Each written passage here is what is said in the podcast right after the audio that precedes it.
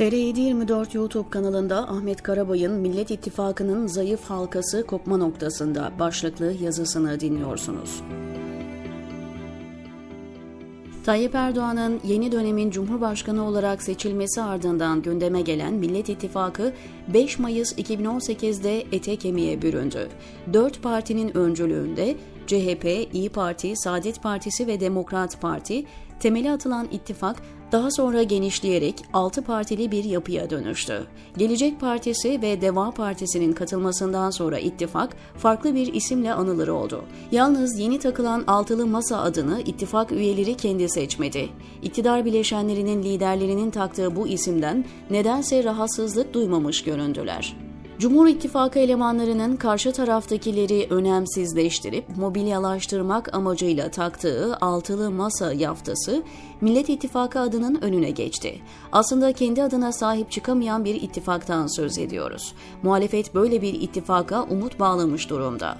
AK Parti ve avanelerinin ülkeyi getirdikleri bugünkü tablodan mağdur olan, sıkıntısını çeken, ezilen, yok sayılan insanların umutları kişisel çekişmelerle bir kez daha boşa çıkma riskiyle karşı karşıya. Yola çıktığı günden bu yana Kemal Kılıçdaroğlu'nun kişisel özverileri sayesinde oluşan ve bugüne gelen yapıyı bugünden ileriye doğru taşıma imkanı olacak mı bilemiyorum. Öyle anlaşılıyor ki Millet İttifakı bugünden yarına yol alacaksa bu yine Kemal Kılıçdaroğlu'nun fedakarlıklarıyla yürüyecek. Meral Akşener İyi Parti kadrolarını oluşturmaya başladığı günden bu yana attığı yanlış adımların sıkıntısını çekiyor. Merkezde milliyetçi bir parti gibi konumlandırma çabalarının aksine ortaya şovenist bir yapı çıktı. Bundan dolayı İyi Parti ırkçılık yarışında kimi zaman MHP'yi geride bırakmaya, kimi zaman faşistlik rekabetine girip Ümit Özdağ'ı geçmeye çalışıyor. Meral Akşener ise geniş kitlelere partisini merkezde tuttuğu görüntüsü verme gayreti içinde.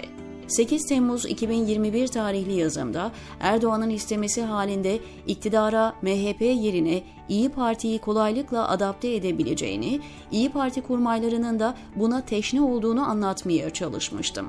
Akşener liderliğindeki İyi Parti birkaç ay öncesine kadar Merkez Partisi olma yolunda ciddi bir mesafe kat etmişti. Son aylarda ise hem Zafer Partisi'nin varlık göstermeye başlaması hem de partinin savruk bir görüntü veriyor olması İyi Parti'nin ilerleyişine epeyce fren olmuşa benziyor. Bu tabloya rağmen partinin lider kadrosuysa kendini Millet İttifakı'nın lokomotifi gibi görme ısrarından vazgeçmiyor. Daha vahimi ise kan kaybettiğini fark etmeyip güçlenmeye devam ettiklerini sanıyorlar. Halkların Demokratik Partisi ya da bilinen adıyla HDP iktidar bileşenleri tarafından bilerek öcüleştirildi. Öylesine öcüleştirme yoluna gidildi ki bırakın kendini nasıl konumlandıracağı konusunda kafası karışık olan İyi Parti'yi Millet İttifakı'nı oluşturan partiler bile HDP'nin adını anamaz hale geldi. Aslına bakarsanız adına sahip çıkamayıp iktidarın taktığı lakapla anılmayı kendilerine layık gören partilerden daha fazlasını beklemek saftillik olur. CHP milletvekili Gürsel Tekin'in TV yüzde katıldığı bir programda HDP'ye bakanlık verilebilir sözleri İyi Parti'den sert tepkiyle karşılaştı. İyi Parti kurmayları Gürsel Tekin'e had bildirme yarışına girdiler. HDP'nin bu ülkenin yasaları çerçevesinde faaliyet gösteren bir partisi olup olmadığına karar veren AK Parti ve MHP'nin dümen suyuna gitmekte beis görmediler. Bu ülkede 6 milyon kişinin oyunu alan HDP'yi yok saymayı kendilerine hak olarak gören İyi Partililerin antidemokratik yaklaşımda faşizan tutum içindeki MHP ve onun benzeri tavır içindeki ortağı AKP'den ne farkı kalıyor? İktidar gücünü ellerinden bırakmak istemeyenler muhalefet bloğunu parçalayıp HDP'yi ayrı tutmak için olağanüstü bir çaba harcıyor.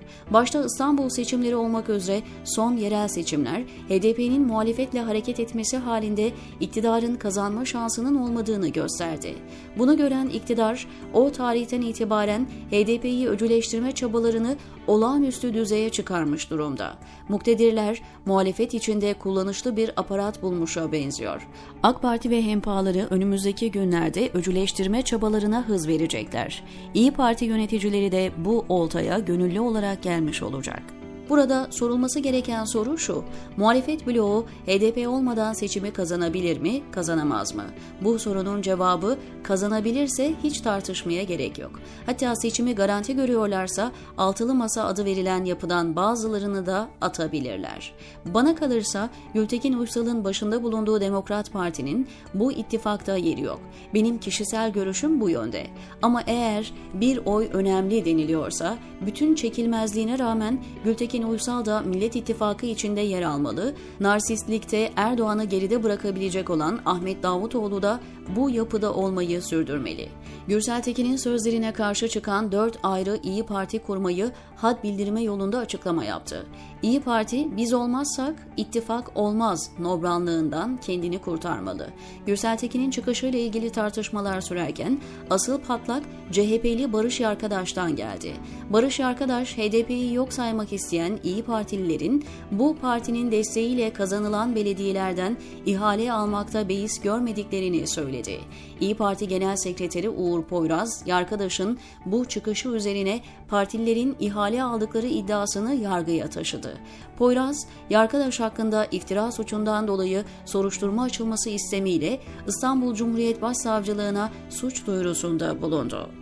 Uğur Poyraz'ın bu adımı üzerine Barış Arkadaş bu kez katıldığı televizyon programında İyi Partili isimlerin Ankara ve İstanbul Büyükşehir Belediyelerinde aldıkları ihaleleri ve elde ettikleri yöneticilikleri sıraladı.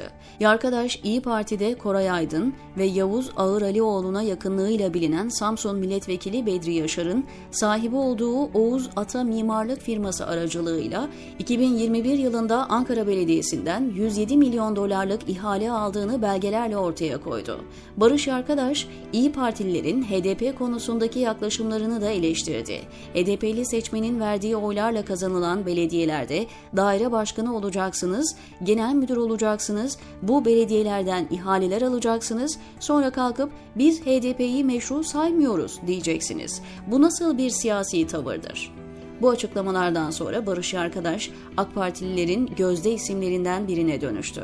Barış Arkadaş aslında bu çıkışıyla hem İyi Parti'ye hat bildiriyor hem de Meral Akşener'in aday yapmak istediği Ankara Büyükşehir Belediye Başkanı Mansur Yavaş'ın muhtemel adaylığının önünü kesmeye çalışıyor.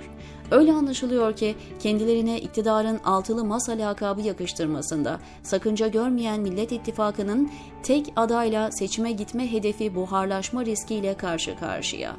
CHP kulislerinde ilk tura tek adayla katılma yerine çoklu adayla girme konusu tartışmaya açıldı.